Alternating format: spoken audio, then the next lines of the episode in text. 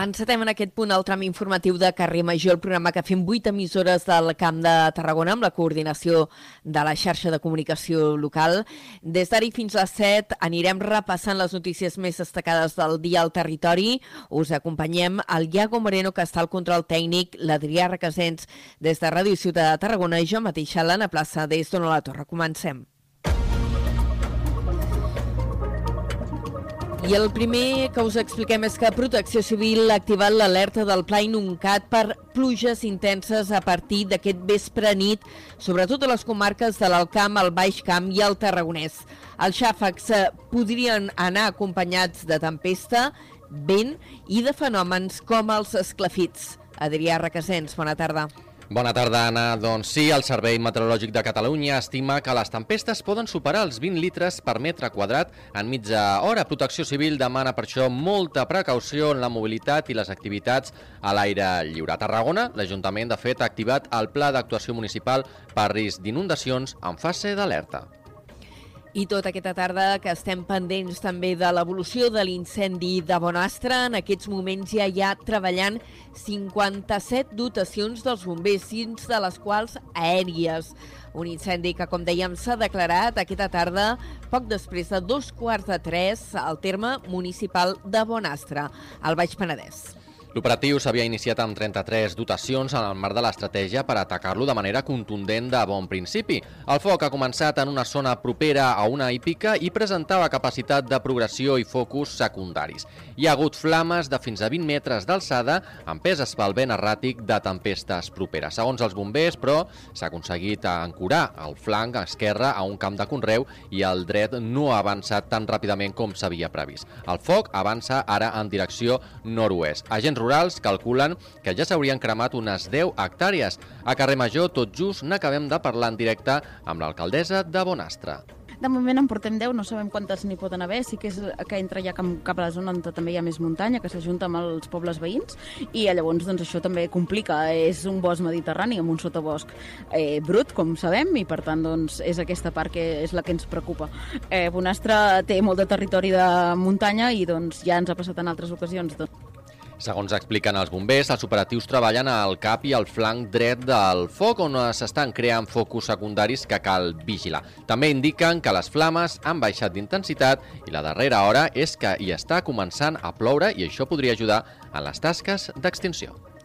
Més qüestions que expliquem avui a l'informatiu. També hem de parlar d'un altre incendi. Aquest es va declarar ja fa dies al territori i no s'ha pogut apagar del, to, del tot. És un incendi de baixa intensitat. És el que afecta la planta de compostatge de Botarell, on l'escalfor que genera amb la fermentació de la matèria orgànica va provocar ja fa dies una combustió espontània.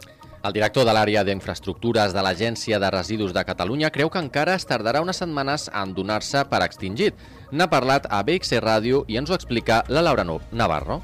Tot i que l'afectació de l'aire sigui mínima, produeix una alteració a tota la zona, encara que es descarta que els residus siguin perjudicials i que hi hagi materials tòxics. Actualment el foc està confinat i s'estan seguint les indicacions dels bombers per impedir que les flames puguin refer-se. Josep Simó, director de l'àrea d'infraestructures de l'Agència de Residus de Catalunya, explica que quan el material estigui consumit s'haurà de portar una instal·lació de gestió de residus final. Per altra banda, una vegada estigui consumit el material, doncs aquest s'haurà de procedir segurament doncs, a portar-ho amb una instal·lació de, de gestió de residus final. El que passa és que eh, en aquest moment, tenint en compte que encara hi ha el risc de que hi hagi aquesta combustió, doncs fins que no s'exaureixi aquesta possibilitat no es pot moure d'on està. Simó afirma que no hi ha una previsió ajustada i previsible de quan s'extingiran les columnes de fum, però s'espera que la combustió duri unes poques setmanes més.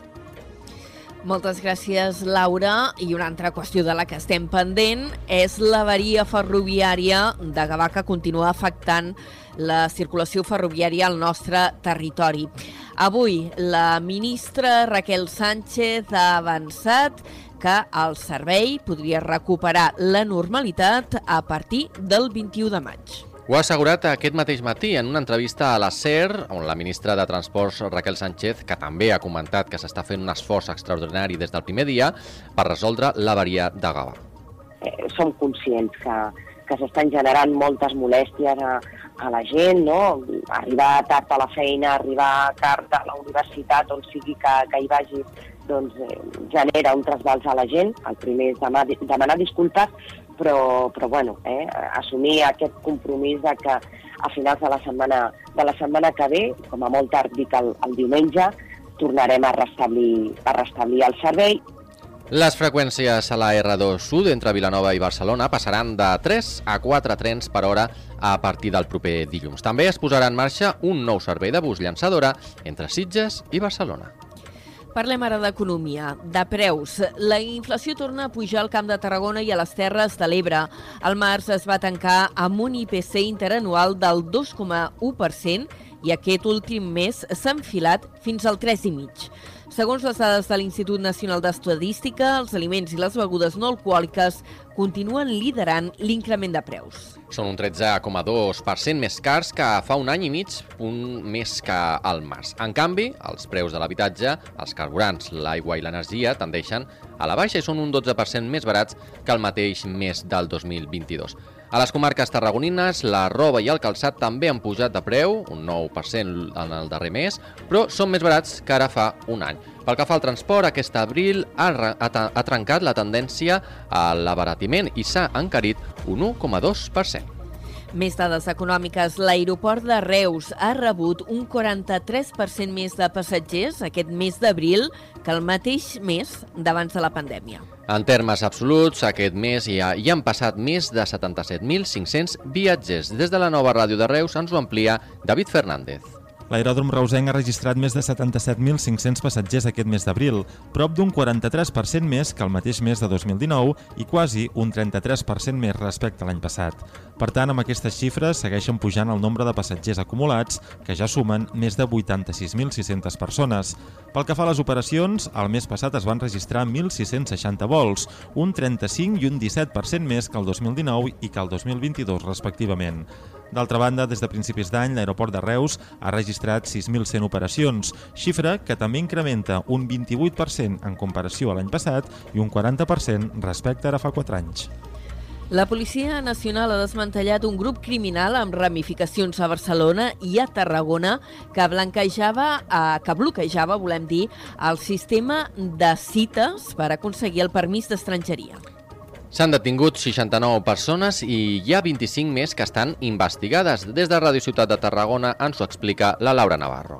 El bot tenia la capacitat d'evitar mecanismes de seguretat instal·lats a la pàgina web de CITES, en la primera investigació es van prendre diverses declaracions que van acabar amb una primera operació per part de la policia, que es va dur a terme quatre entrades i registres i van poder intervenir un total de 206.950 euros, a més d'efectes informàtics i documentació vària. En la segona investigació es van identificar dos responsables de l'obtenció massiva de cites, que gràcies a ell aconseguien cites disponibles per revendre-les, tot i tractar-se d'un tràmit gratuït. Els arrestats s'han considerat presumptes responsables dels delictes de pertànyer a una organització criminal i per danys informàtics. Durant la investigació s'han identificat 94 persones presumptament involucrades, 69 de les quals arrestades i 25 més d'investigades. Moltes gràcies, Laura. I aquesta mitjanit ha començat eh, la campanya electoral a les municipals que se celebraran d'aquí dues setmanes, el diumenge 28 de maig. I en relació amb aquest tema us apuntem que durant aquestes dues setmanes de campanya no us podrem oferir informació política en aquest informatiu per les restriccions que imposa la llei electoral. I és que en el cas dels mitjans públics la normativa obliga a ajustar el pes informatiu de cada partit a la representació que té. Com que som un programa territorial en què participem moltes poblacions, molts municipis, amb realitats polítiques molt diferents, es fa impossible fer el càlcul de quin espai hauríem de concedir a cada partit per poder complir la llei, motiu pel qual aquests dies no oferim informació política.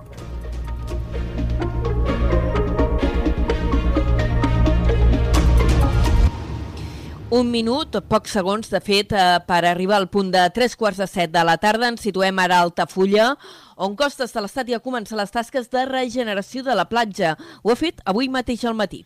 En total s'abocaran a 20.000 metres cúbics de sorra i els treballs es preveuen que durin tot un mes. Des d'Altafulla Ràdio ens en dona més detalls la Carol Cubota. Els camions del Servei Provincial de Costes del Ministeri per la Transició Ecològica han començat a traslladar sorra des de la platja de la Paella de Torre d'Embarra fins a la platja d'Altafulla aquest divendres al matí. Unes feines que s'allargaran tot un mes, donat que la quantitat de sediment per la regeneració del litoral altafollenc, greument afectat pels temporals, és de 20.000 metres cúbics. L'alcaldessa Montse Casterna ha dit que la mesura és fruit de moltes converses i s'ha mostrat satisfeta de la decisió de Costes. Realment ens n'alegrem molt doncs, que eh, aquestes converses dialogants i tots els tràmits que s'han anat fent doncs, fins a dia d'avui hagin donat el seu fruit i que realment tinguem aquest guany i aquest benefici de cara a la ciutadania per aquest proper estiu. Aquella cosa que en el seu moment es va prometre es complirà afortunadament les feines s'executen amb el compromís del Port de Torre d'Embarra de fer-se càrrec de possibles regeneracions futures, passar l'estiu. A més, en paral·lel, també es fan tasques de reparació dels accessos del passeig cap a la platja. Gràcies, Carol. Seguim situats al litoral del Tarragonès, ara per parlar de patrimoni, concretament dels treballs de reexcavació que s'estan fent aquests dies a la vila romana de Calípolis, a tocar de la Pineda. Avui han fet una visita el president del port, l'alcalde de Vilaseca i el delegat del govern català a Tarragona. La vila de Calípolis, fundada al segle I, està situada en terrenys portuaris a tocar de la futura zona d'activitats logístiques Feia 20 anys de la darrera excavació i ara s'hi està treballant de nou per eh, condicionar aquestes restes romanes amb la voluntat de posar-les en valor i en un futur museïtzar-les. Els treballs de reexcavació van començar en el mes de març i s'allargaran fins al proper mes de setembre. La intervenció compta amb un pressupost de 190.000 euros. Les restes més antigues d'aquest jaciment són les termes i els banys privats d'aquesta vila romana. És aquí on es va localitzar el famós mosaic dels peixos que es conserva al Museu Nacional Arqueològic. Tot just aquesta setmana l'Ajuntament de Vilaseca ha sabut que ha aconseguit 5 milions d'euros del Pla de Sostenibilitat Turística per a Centre Experimental i Interpretació del Jaciment de Calípolis i de l'Espai Natural dels Prats del Vinyana que està a tocar. L'arcabisbat cedeix una part dels terrenys del convent de Sant Agustí a l'Ajuntament de la Selva per a la construcció d'un aparcament. L'espai cedit comprèn prop de 2.000 metres quadrats corresponents a la zona arbrada i una pista que limiten amb el carrer Joan de la Creu. Ens ho explica des de Ràdio La Selva l'Antonio Mellado. L'Arcabisbat de Tarragona i l'Ajuntament de la Selva han signat un conveni de cessió d'una part dels terrenys del convent de Sant Agustí per habilitar una zona d'aparcament de vehicles pública en superfície. Amb dues parts signants han mantingut els darrers anys diverses converses relatives als usos d'aquests terrenys. Coincidint amb l'inici de la guerra d'Ucraïna es va reprendre la negociació, però des de l'arcabisbat es va donar prioritat a l'allotjament dels refugiats a la casa d'exercicis a través de la gestió de la ONG Coopera. Finalment s'ha pogut signar aquest conveni amb caràcter gratuït i a precari, és a dir, vigent fins que una de les parts el rescindeixi. Víctor Mosquera és vicari episcopal de l'arcabisbat. En el cas de la propietat, que és l'arcabisbat, doncs, si per alguna qüestió eh, d'aquí, imaginem, 3 anys, doncs, eh, necessita l'espai perquè té projectes per la casa, eh, doncs podria dir, doncs mira, ara necessitem aquest espai, doncs es desmunta la instal·lació, que en principi serà una instal·lació senzilla, perquè ja està prou bé el terreny, i es, i es recuperaria per part de l'arcabisbat. L'espai cedit comprèn prop de 2.000 metres quadrats corresponent a zona arbrada i una pista que limiten amb el carrer Joan de la Creu. Amb aquesta sessió, la selva podria ampliar en més d'una quarantena el nombre de places d'aparcament en un espai proper al nucli antic. Moltes gràcies, Antonio. I anem a la Conca. L'Ajuntament de Montblanc llueix des d'aquesta setmana una cortina de grans dimensions que reprodueix un quadre de Matías Palau Ferrer. L'ha elaborat l'empresa montblanquina Sans Mill. Gemma Bufies, des de Ràdio Montblanc, ens en dona més detalls. Es tracta d'una cortina de 9 metres i mig per 4 metres d'amplada que reprodueix una obra de Matías Palau Ferrer, el pintor montblanquí més universal. L'empresa va rebre l'encàrrec de l'Ajuntament i el seu equip creatiu, després de fer una consulta interna, va decidir fer una adaptació d'una obra de Palau Ferrer. Concretament, s'ha adaptat una obra on s'hi representa una sardana i s'hi pot veure clarament la signatura de l'artista. Júlia Claveria, dissenyadora de l'equip creatiu de Crisca Decor. Teníem l'encàrrec de posar una cortina a l'Ajuntament de Montblanc i llavors es tractava de decidir el què. Vam obrir, obrir un procés eh, creatiu dins l'empresa per veure quina imatge podíem reproduir i ens va semblar molt adient posar-hi un Palau Ferrer, pintor montblanquí amb una obra molt, molt representativa i amb un estil molt xulo i que a part no hi havia cap quadre encara a l'Ajuntament. La marca de cortines decoratives Crisca Decor va néixer a Montblanc ara fa 20 anys. Les seves creacions es poden veure arreu del món, a llocs com la Casa Batlló, l'estadi de del Manchester City o l'aeroport de Nova York. I després eh, d'aquesta notícia, que no deixa de ser molt curiosa, parlem ara d'iniciatives solidàries. A Tarragona aquest diumenge hi haurà la caminada de primavera de, per l'autisme. S'hi han inscrit 600 persones, el màxim previst. L'acte està organitzat per Tarragona Esports en col·laboració amb l'entitat Todos en Azul. La caminada arrencarà a dos quarts de 10 a la plaça Corsin i s'han establert dos circuits. El més curt és de 6 quilòmetres i passarà per la part baixa de la ciutat, el Serrallo i la part alta. L'altre, de 10 quilòmetres, contempla exemple un recorregut d'anada i tornada de Sant Pere i Sant Pau passant pel pont del Diable. I Tarragona acull aquests dies, aquest cap de setmana, la 14a edició de la Canta Xics, amb la participació de 2.000 alumnes d'escoles de música d'arreu de Catalunya. La cantata tindrà lloc a la Tàrraco Arena Plaça aquest diumenge 14 de maig i porta, porta per títol Marcel Contaire. Se'n farà un passi a dos quarts d'una i un altre a les 5. És la primera vegada que Tarragona seu d'aquesta eh, cantada en què participen infants de 3 i 8 anys de tota Catalunya. I fem dos apunts gastronòmics i passem de seguida als esports. Aquest divendres arrenca la novena edició del de tapes per Torredembarra. Fins al 28 de maig hi ha 25 establiments del municipi que oferiran una etapa creada eh, per ells amb beguda a un preu de 4 euros. I a més, aquest cap de setmana també comencen les jornades del romesco de Cambrils. En aquest cas hi participen una vintena de restaurants i s'allargarà fins al 4 de juny.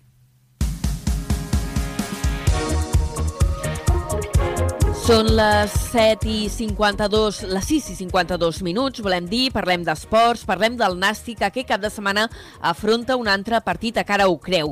Diumenge a la tarda jugaran a casa davant del Granollers, que també es troba a la zona baixa de la classificació.